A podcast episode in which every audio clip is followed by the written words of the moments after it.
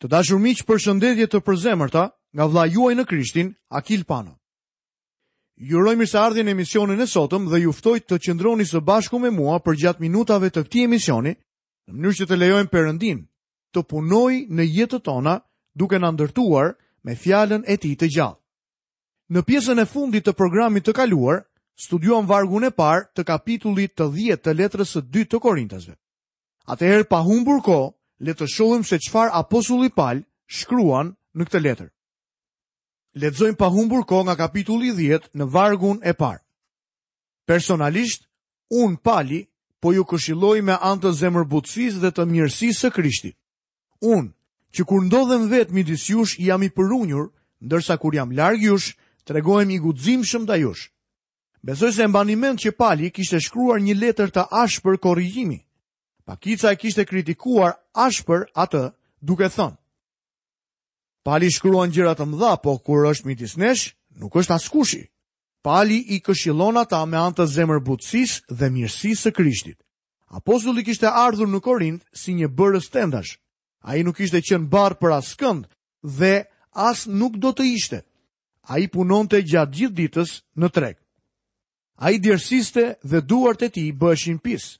Apostulli punonte dhe ndërkohë që njerëzit kalonin atje, u fliste. Tani korintasit po thoshnin për të. Ai nuk është apostull, shikojeni pak. Ai është një bërës tendash. Ai është një njeri i zakonshëm. Po, miqtë e mi, ai ishte një njeri i zakonshëm, por ndodhi që ishte edhe apostull. Pali dukej si gjithë të tjerët. Në fakt, Disa njerëz e shihnin edhe me përçmim, sepse punonte me duart e tij. Kështu që kur thotë unë Pali ju këshilloj me anë të zemërbutësisë dhe mirësisë së Krishtit, ai po thotë se ai është si Zoti kur ishte këtu në tokë. Ai po thotë unë që kur ndodhem midis jush jam i përunjur. Ai nuk ishte një person i veçantë. Ai nuk ishte dikushi. Ai ishte vetëm një djalosh i zakontë që bënte tenda. Kështu që korintasit kishin të drejtë kur thoshnin, kur ai është midis nesh, ai është i përunjur, por kur na shkruan, ai është i guximshëm dhe shkruan me autoritet. Kush vallë mendon se është? Pali shkruan në zemërbutësinë dhe mirësinë e Krishtit. Zoti ynë nuk e ngriti zërin e tij për të mbrojtur veten. Zoti ynë nuk kishte pamje befasuese dhe ai nuk dukej siç e paraqisnin artistët. Ai nuk ecte me një kurorë drite rreth kokës së tij. Ai ishte i përulur dhe i duruar. Ky duhet të jetë gjithashtu simboli i ndjekësve të tij. Kjo duhet të jetë kunja vëllazërore e besimtarëve. Kështu apostulli u shkruan atyre dhe u thotë, Mos lejoni që t'ju mashtrojë pamja. Pali kishte autoritetin e një apostulli. Pali kishte një mision hyjnor. Ai foli me autoritet. Ai ishte i vetëdijshëm për fuqinë mbinatyrore dhe e ushtroi atë. Pali i këshillon ata të mos e detyrojnë të ushtrojë autoritetin e tij. Ai do të donte të vinte sërish në zemërbutësi dhe mirësi. Ai i këshillon ata të mos mendojnë për të vetëm sipas mishit. Nuk mendoj se një shërbëtor i Ungjillit duhet të veshë një rrobë apo ta mbërthejë kollaren nga prapa për të vërtetuar që ai është një shërbyes i Zotit Jezu Krisht.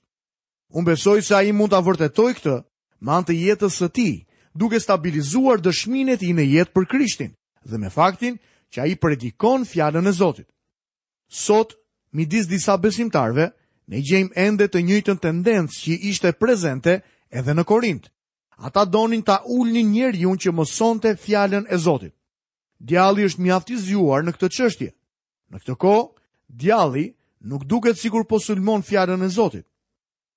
Sot ka një interes të madh për fjalën e Zotit. Kështu që çfarë bën djalli? Ai sulmon reputacionin e njerëzve të Zotit që predikojnë fjalën e tij. Ai përpiqet të diskreditojë njeriun. Kjo ishte saktësisht ajo çfarë i ndodhi dhe Palit. Njoh një kishë ku pastori mësonte fjalën e Zotit. Disa anëtarë të asaj kishe nuk e pëlqenin atë person fare dhe kur ai u largua nga kisha, ata u përpoqën ta kryqëzonin atë njeri.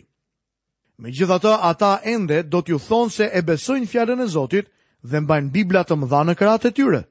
Në të vërtetë, ata nuk e besojnë fjalën e Zotit, madje as nuk e dinë se çfarë thuhet në të. Nëse një pastor predikon fjalën e Zotit dhe nuk kujdeset për një grup të tillë, më besoni apo jo, ai futet në telashe. Kjo është metoda e djallit.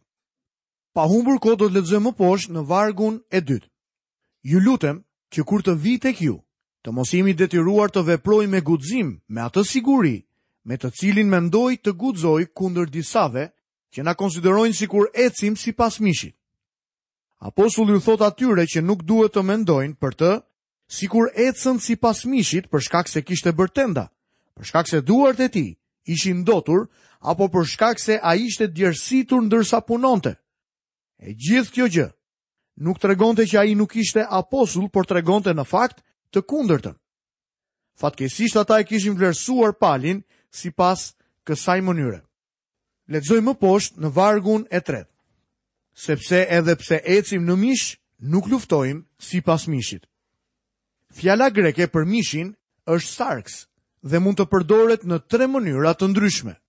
Ajo mund t'i referohet trupit fizik që ne kemi, mishit që është në kocka, ose mund t'i referohet dobësisë, duke nënkuptuar që është diçka psikologjike. Po kështu, mund t'i referohet natyrës së korruptuar që kemi, natyrës së rënë. Ky është edhe kuptimi frymëror. Kjo fjalë mund të përdoret në kuptimin fizik, psikologjik dhe atë shpirtëror. Pali e përdor fjalën mish në të treja këto kuptime, por më shpesh në kuptimin e Adamit të vjetër, natyrës së rënë. Në fakt, unë e di se në mua, domethënë në mishin tim, nuk banon asgjë e mirë. Ai i referohet natyrës së korruptuar dhe përdor mishin në kuptimin shpirtëror. Kur Pali thotë edhe pse ecim në mish, nuk luftojmë sipas mishit, ai e përdor mishin në kuptimin psikologjik. Pali thotë se ai eci në mish në dobësi. Nuk mendoj se Pali erdhi në Korint në fuqinë e mishit. Lufta e tij ishte një luftë shpirtërore. Në letrën drejtuar Efesianëve, apostulli Pal shkroi: Sepse beteja jonë nuk është kundër gjakut dhe mishit, por kundër principatave, kundër pushteteve, kundër sunduesve të botës së errësirës së kësaj epoke, kundër frymërave të mbrapshta në vendet qiellore. Apostulli Pal nuk kishte ardhur në Korint si një njeri i zakonshëm që varej në principet e anës natyrore. Pali nuk erdhi në Korint për të bërë një fushatë. Ai nuk përdori metodat e reklamimit të organizimit të përpjekjeve dhe energjisë njerëzore. Kjo nuk do të thotë se ne nuk duhet t'i përdorim këto gjëra. Thjesht po them se Pali nuk i përdori. Ai nuk ishte nga ata figurat e shquara që përdorin zgjuarsinë për të thënë shumë citime, klishe, apo për të arritur majat me një gjuhë të bukur. Apostulli nuk erdhi në një fushatë anti Neronit ose anti Cezarit. Ai nuk erdhi në Korint për të pastruar qytetin dhe as me ftesën e të krishterëve për të mbajtur një fushatë. Apostulli Pal, në letrën e parë drejtuar Korintasve kapitulli 2 dhe vargu i 2, shkroi. Sepse vendosa që të mos di gjë tjetër ndër ju, veç Jezu Krishtit dhe Atë të kryqëzuar. Pali kishte një perspektivë të madhe të gjithë fushëbetejës. Duhej fituar qielli dhe duhej shmangur ferri. Ai ishte në një betejë shpirtërore dhe kjo betejë kërkonte armë të fuqishme shpirtërore, të cilat vijnë vetëm nga Perëndia. Lexojmë më poshtë në vargun e katërt. Sepse armët e luftës sonë nuk janë prej mishi, por të fuqishme në Perëndinë për të shkatërruar fortesat. Ky varg është në kllapa dhe këtu apostulli nuk i rendit armët. Lufta shpirtërore do të thotë që ne kemi një armik shpirtëror dhe ky armik shpirtëror kërkon armë shpirtërore. Na thuhet që kemi armë të fuqishme dhe ato janë efektive. A je në gjendje t'i identifikosh armët e tua shpirtërore për të cilat ti sot ke nevojë? Arma jonë e parë është fjala e Zotit. Ne duhet të kemi besim në fjalën e Zotit. Ajo është shpata e frymës. Pali erdhi në qytetin e Korintit në atë qytet të filozofisë dhe fesë me armën e fjalës së Zotit. Ajo ishte arma e tij. Pali u shkroi Efesianëve. Merrni edhe përkrenaren e shpëtimit dhe shpatën e frymës që është fjala e Perëndisë. Pali nxori shpatën e tij të besuar dhe u var tek tehu i zhveshur i saj. Ai shkroi, Në fakt unë nuk kam turp për ungjillin e Krishtit, sepse ai është fuqia e Perëndisë për shpëtimin e cilitdo që beson, më parë judeun e pastaj grekun. Ne duhet të kemi besim në fjalën e Zotit. Ne duhet të kemi një besim të patundur në frymëzimin verbal të shkrimit. Kjo duhet të jetë më shumë se një kredo. Kam dëgjuar një predikues që tha se besonte në frymëzimin verbal të Biblës. Ai citoi poezi, disa klishe tërheqëse dhe shënime të gjalla. Ai kishte çdo lloj argumenti filozofik, por asnjë shpjegim për fjalën e Zotit. Mund t'ju them që ky nuk është besim në fjallën e Zotit, dhe fjala nuk përdoret si armë. Unë jam konservator në mënyrën time të të besuarit, pra në teologjinë time. Besoj në frymëzimin e fjalës së Zotit që përmbledh librin e Zanafillës dhe veçanërisht ngjarjen e krijimit. Unë besoj në qiellin dhe në ferrin. Në fakt e besoj Biblën nga fillimi deri në fund. Ajo është shpata e frymës, miku im. Bibla është një nga armët tona. Arma e dytë është prezenca e frymës së shenjtë. Apostulli Pal e njihte dobësinë e tij njerëzore. Ai e dinte se ishte vulosur nga fryma e shenjtë. Fryma e shenjtë i kishte dhënë fuqi. Një armë tjetër e luftës tonë shpirtërore është lutja.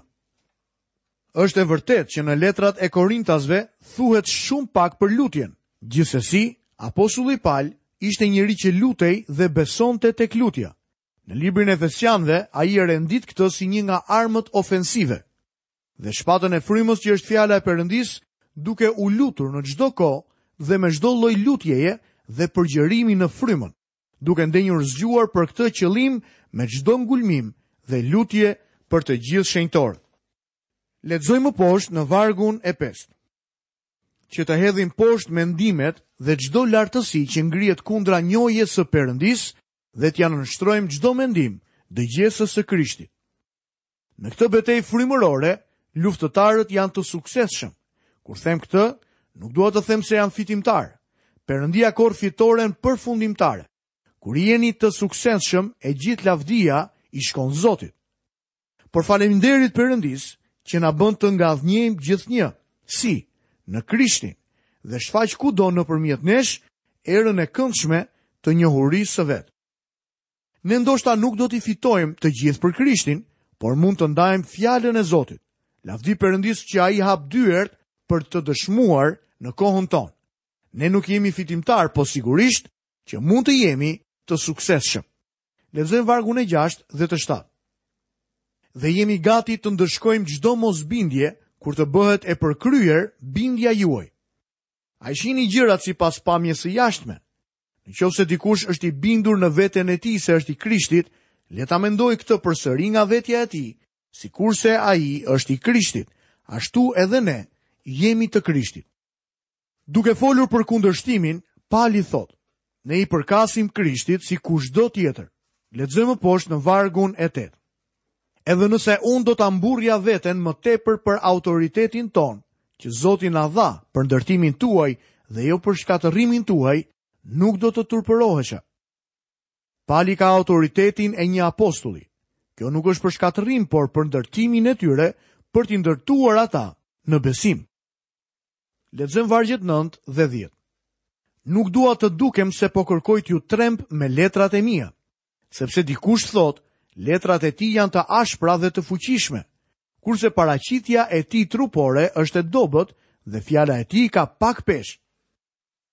Pali Apostull nuk do që letrat e tij të jenë të guximshme dhe të tmerrshme, dhe ai në mes tyre të jetë i dobët. Unë besoj se kjo na tregon që Pali nuk ishte një njeri tërheqës. Kur njerëzit dëgjonin Palin, mendoj se ka qenë e dukshme për ta që ai nuk predikonte me fuqinë e tij fizike, me elokuencën apo magnetizmin e tij personal. Unë mendoj se ai duhet të ketë pasur pamjen e një ene të dobët. Ndoshta ai ishte si Samsoni në kohën e gjyqtarëve. Ishte më se e dukshme që forca e tij nuk gjendej brenda vetes së tij, por vinte nga fryma e Zotit. Lexojmë vargu 11 dhe 12. Le ta di pra ai njeri, se ashtu si jemi në fjalë me anë të letrave kur jemi larg, të tillë do të jemi edhe me vepra kur të jemi të pranishëm. Sepse nuk guxojmë të renditemi ose të krahasohemi me ata që e rekomandojnë veten e vet, por ata, duke matur veten e tyre dhe duke u krahasuar me veten e tyre, nuk kanë mend. Apostulli Pal fut këtu një notë humori. Shumë njerëz e krahasojnë veten me të tjerë. Ata mendojnë se janë të jashtëzakonshëm, të mrekullueshëm, të krishterë frymërorë, sepse e krahasojnë veten e tyre me të krishterë të tjerë në grupin e tyre. Ne nuk duhet ta përdorim këtë lloj vizorjeje apo matësi. Kjo është një nga tragjeditë e kohës sonë. Një person mund të jetë në një kishë të ftohtë dhe të jetë edhe vetë i ftohtë dhe megjithatë të mos jetë i ndërgjegjshëm për këtë shkak se e krahason veten e tij me të krishterët e ftohtë rreth tij.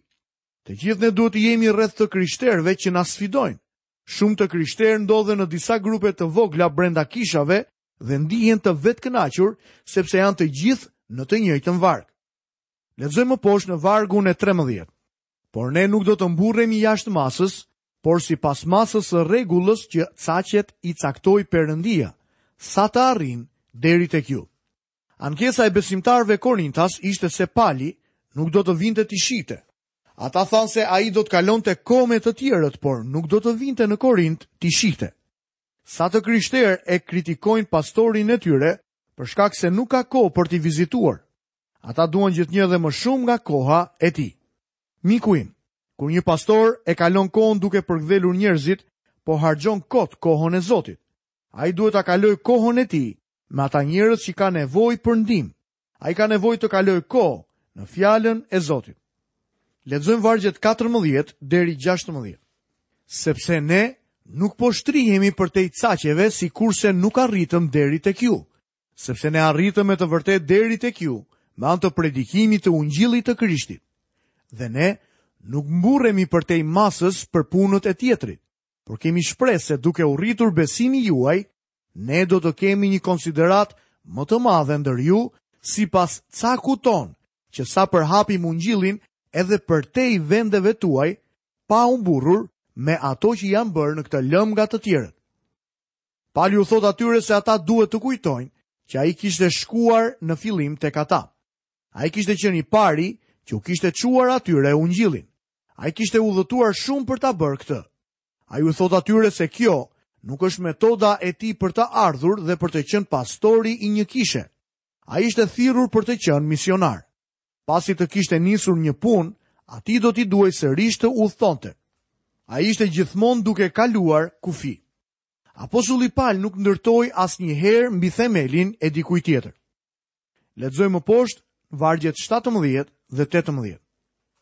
Ai që lëvdohet, le të lëvdohet në Zotin, sepse nuk miratohet ai që e rekomandon veten e tij, por ai i cili e rekomandon Zoti. Ne qëndrojmë përpara Zotit për lavdërimin e tij. Kjo në fakt është një fjalë paralajmërimi për ne. Mos kritikoni askënd pa zbuluar më parë se cila është thirrja e Zotit për të.